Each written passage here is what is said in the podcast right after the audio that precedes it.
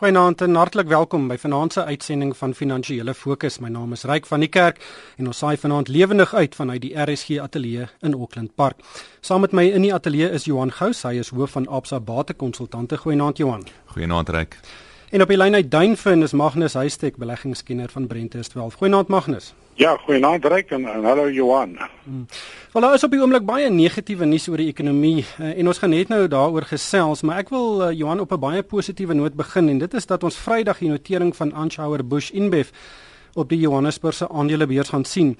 En en hierdie maatskappy sal dan die grootste genoteerde maatskappy op die JSE wees met 'n markwaarde van nagenoeg 3 triljoen rand. Uh, en dit sal natuurlik plaasvind deur 'n inwaartse notering na die oorneem van SAB Miller. Um Johan, 3 triljoen rand. Suid-Afrika se BBP is 3,5 triljoen rand. So hierdie is 'n reuse reuse notering. Wat gaan dit vir die dinamika van die beurs beteken? Ja, Ray, kom ons praat maar net van InBev. Uh, hulle het Vrydag bevestig dat hulle komende Vrydag um, 'n sekondêre inwaartse notering gaan doen op die JSE.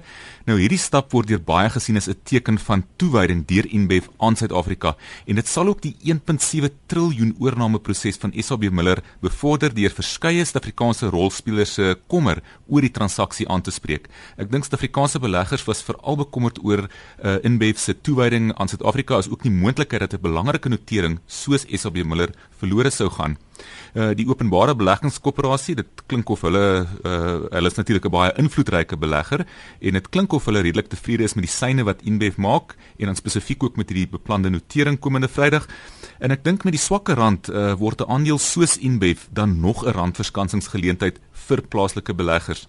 So ja, InBev se markkapitalisasie van 178 miljard euros uh sal 'n groot bydrae ook uh, maak natuurlik uh, as ons kyk na uit 'n wêreldoogpunt uh, weet die tot watter mate Suid-Afrika se aandelebeurs ook natuurlik sy status sal kan verhoog. Ehm um, ek dink InBev sal weens sy primêre notering in Brussels uh, nie onmiddellik 'n uh, deel uitmaak van die Suid-Afrikaanse indekse nie. Uh daar sal omtrent so 5% se aandelehouding deur Suid-Afrikaanse uh, beleggers uh, benodig word voordat dit sal kan gebeur. Hmm. Magnus soos Johan daar sê, dit gaan nou reuse randverskanser wees, maar ek dink dit gaan die maatskappy op die beurs wees wat die meeste van sy geld in die buiteland verdien. Heeltemal korrek. Ek dink uh, as as uh, iemand nie genoteer het op die JSE, dis sou dit baie negatief gewees het. So dit is 'n positiewe sein dat hulle noteer, maar soos jy sê, dit gaan nie onmiddellik 'n groot impak hê nie. Uh die hoofnotering is in Brussel. Dit gaan nie 'n uh, uh, uh, bykomende markkapitalisasie vir ons mark wees nie. Ek dink wanneer die hele proses voltooi is en SAB Miller is oorgeneem, gaan daar dalk net 'n ruiling van geld wees van SAB Miller na InBev toe maar dit is positief. Hmm. Maar Magnus, uh, sal jy uh, Vrydag wanneer hulle nou noteer jou kliënte aanmoedig om die aandeel te koop? Wel, as as as dit 'n goeie aandeel is en hy bied waarde, dan sal jy hom aanbeveel. Dit is 'n 'n maatskappy in die sektor wat uh, wat wat goed groei globaal en ek dink ook uh, daar is groei geleenthede in Afrika en ander plekke. So dit is 'n uh, gegee die swak rand sal 'n mens na inbeeld moet kyk as 'n geleentheid. Hmm. Johan, volgens die reëls van die of die nuwe reëls van die JSE sal die moet 'n maatskappy om in die top 40 indeks ingesluit te word, moet meer as 5% van die aandeelhouers in Suid-Afrika wees. Nou dis nogal vir my verrassend dat minder as 5% in Suid-Afrika gaan wees omdat die openbare beleggingskoöperasie reeds 3% besit of al van SAB Miller besit het. Dit wys ook hoe internasionaal SAB Miller geword het en uh, in baie opsigte kan ons hom eintlik meer toegeëien net vir Suid-Afrika voor hierdie groot transaksie nie. Ja, dit is so en ek dink op die einde van die dag reik, jy weet, uh miskien moet jy mens eerder fokus op wat bied 'n SAB Miller vir jou eerder noodwendig as waar hy genoteer is. Um en en en ek dink op die einde van die dag hierdie tipe van aandele is aandele wat vir baie van die plaaslike beleggers dalk weer 'n nuwe tipe van aandeel gaan wees om na te kyk. So uh, dit is dalk uh, moontlik dat ons sal uh, sal sien dat uh, daar redelike belangstelling gaan wees in, die, in op die pad vorentoe vir hierdie aandeel. Ja. Maar Magnus uh, die randverskansings aandele sal natuurlik hoog op die agenda wees. Uh, die rand is tans R16.30 teen die dollar. Ehm um, en uh die dit lyk of die die rand eintlik net een rigting ken op die oomblik. Wat wat maak jy op die oomblik van hierdie regtig swak rand wat ons op die oomblik sien? Ja, dis nogal skrikwekkend. Toe ek en jy op vakansie gegaan het 3, 4 weke gelede was die rand 14.30.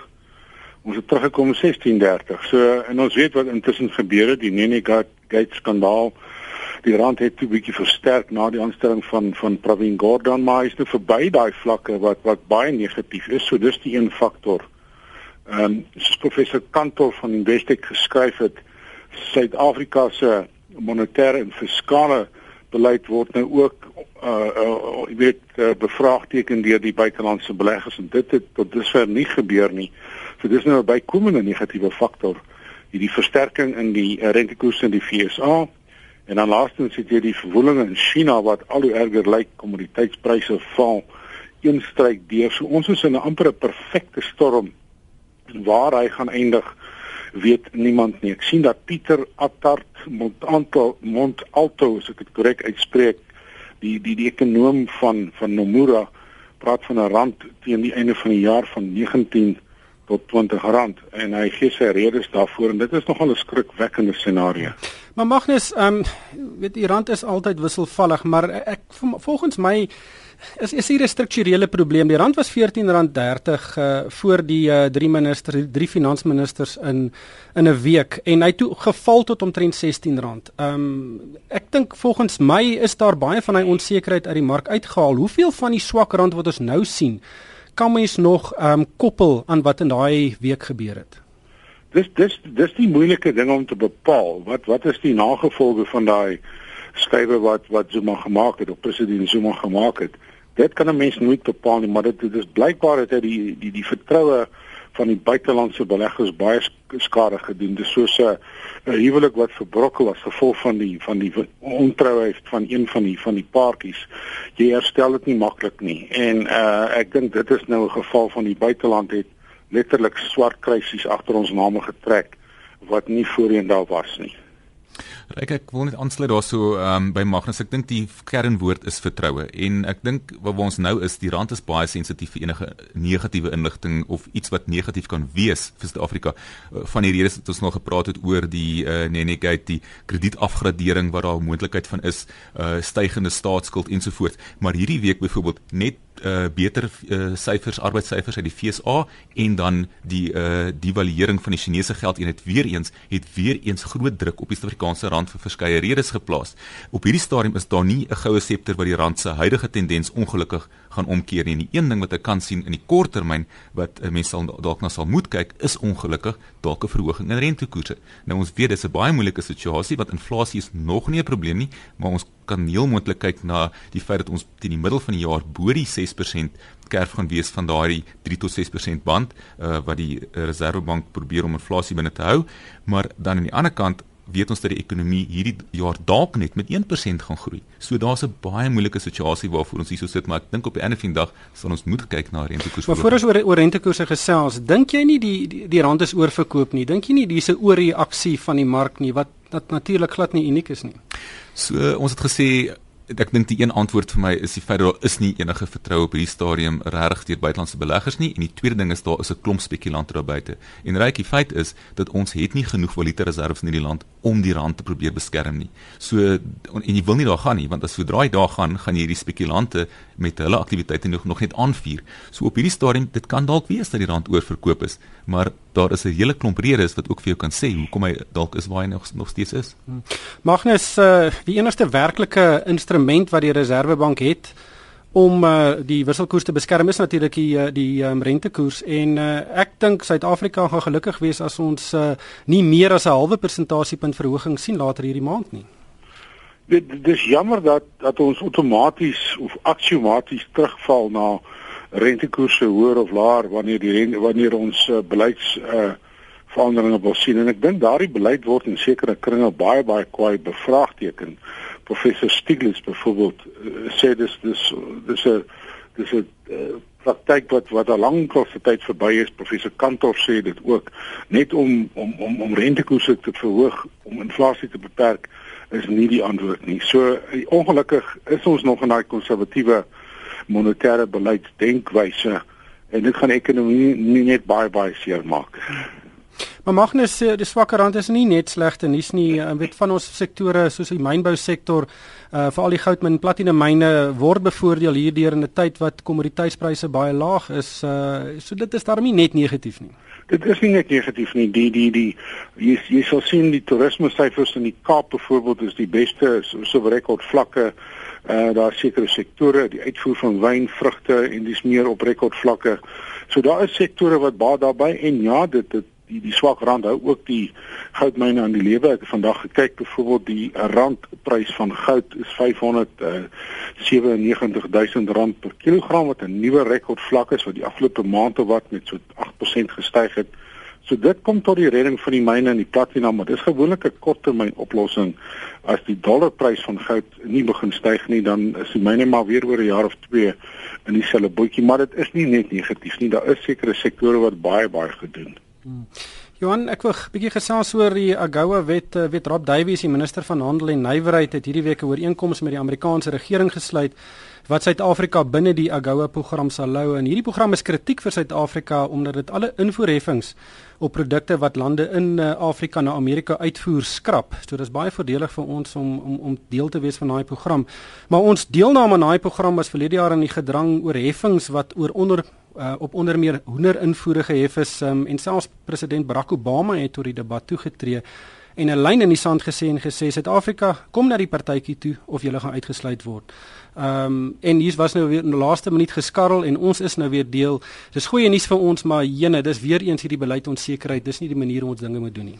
Ja, dit gee nie vir mense die idee dat daar werklik weet baie gedink word oor van hierdie goed wat so krities is vir ons nie. Die ehm um, AGOA of die African Growth and Opportunity Act het al baie beteken vir ons land se ekonomie in terme van uitvoere spesifiek dan ook vir die uh, motor uh, industrie. En dit is een van die redes vir hoekom is die mens byvoorbeeld in Suid-Afrika so groot belê want hulle kry daai geleentheid deur hierdie uh, tipe van uh, geleentheid wat ons met die FSA het. Maar um, ek dink wat ons hier gesien het was die kwessie was nou 'n geval van gaan ons van ons standaarde verlaag in terme van die voedsel wat ons invoer om nog steeds die voordele van die AGOA te kry. Ja, Magnus, dis anders om om met die Amerikaners te onderhandel as om met lande noord van die Limpopo. Ja, mens moet gaan torm met die FSA nie. Dit is ons grootste handelsverloot, vernoot en ons het hulle meer nodig as wat hulle ons nodig het. En ja, gelukkig was daar ooreenkomste bereik maar jene dit is uh investeringstyd gewees het ons daai drie gaan druk en en jy wil dit nie hê nie. Dit ons ons as 'n land is ons senuwees alreeds so klaar. Jy wil nie nog swak nuus gehad het nie. Hmm. ja hopelik uh, leer ons daar uit. Johan MTN het 'n interessante transaksie aangekondig. Uh, die groep is natuurlik uh, besig met 'n groot stryery met die met die Nigeriese regering uh wat hulle 'n reuse boete van 60 miljard rand opgelê het oor uh, hulle nie sekere mense van nie van hulle netwerk afgesny het nie. Maar hulle het hierdie week aangekondig dat hulle Visa Phone in Nigerië gaan koop. Dis een van hulle mededingers. Um en hoekom dink jy sal hulle in hierdie onseker tyd gaan om 'n uh, mededinger daar te koop? Dit wys hulle is nog steeds verbind tot Nigerië. Ek dink dit kan baie strategies wees ryk, maar MTN het 'n uh, Visa Phone gekoop uh, wat hulle toegang gee tot addisionele spektrum van besigheid in Nigerië. Uh, MTN sal nou hoëspoed data en ander waarde toegevoegde dienste kan lewer en die oorname voeg ook 'n nuwe database van klein en medium grootte maatskappye by hulle huidige kliëntebasis. Nou die stap sal MTN ook help om 'n voet in die deur te kry met die regering se nasionale breëband uh, plan wat hulle daarso van stapel gestuur het. Nou 'n ander voordeel gegee die huidige stram uh, verhouding wat daar is rondom die 60 miljard rand boete wat laasjaar aan MTN opgelees is die feit dat die transaksie 'n positief sy, positiewe sein stuur oor MTN se toewyding aan Nigerië. Nou Nigerië verteenwoordig reeds 40% van MTN se totale verdienste en is dis 'n baie kernmark vir hulle. So mense kan die moontlike risiko sien vir 'n maatskappy wat so afhanklik is van een land en sy regulatoriese en regstelsel in terme van sy totale besigheid.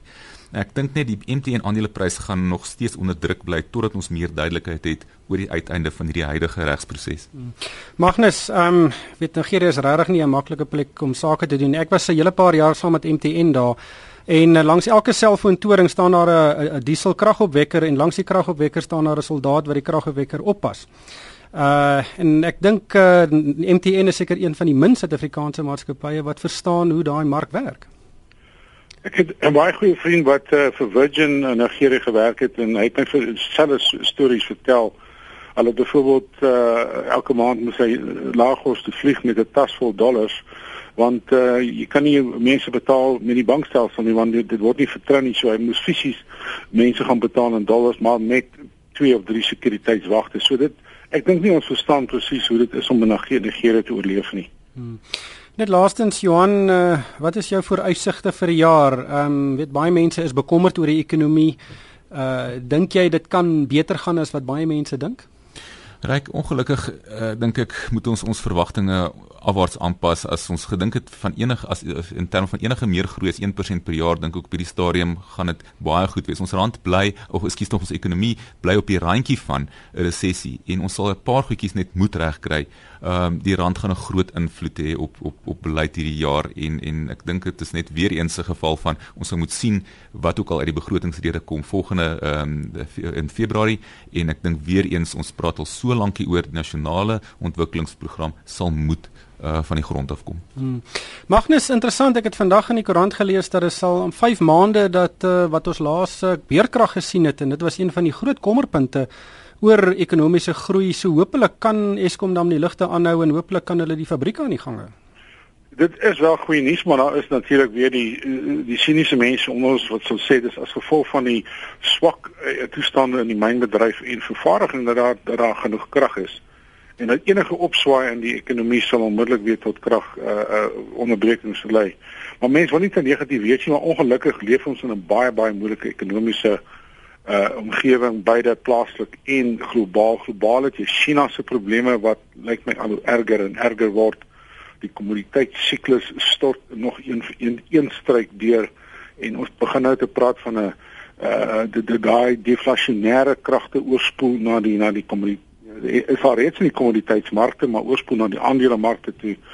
So dit, ek dink dit gaan 'n moeilike jaar wees, baie baie wisselvallig en ek dink ons gaan nog verdere verswakking in die rand kry natuurlik dan ons daai groot kwessie van gaan ons afgegradeer word ja of nee en ek dink dit gaan dit gaan baie skade doen aan portefeuilles. So mense moet baie baie versigtig loop hierdie jaar. Johan, een ding wat uh, hierdie hele gemors met die drie finansiële ministers in in 'n week vir my gewys het is dat daar weer 'n koppeling is tussen wat op die markte aangaan en wat in die politiek gebeur in Suid-Afrika. Vir 'n hele paar jaar was daar eintlik uh, geen korrelasie tussen die twee nie.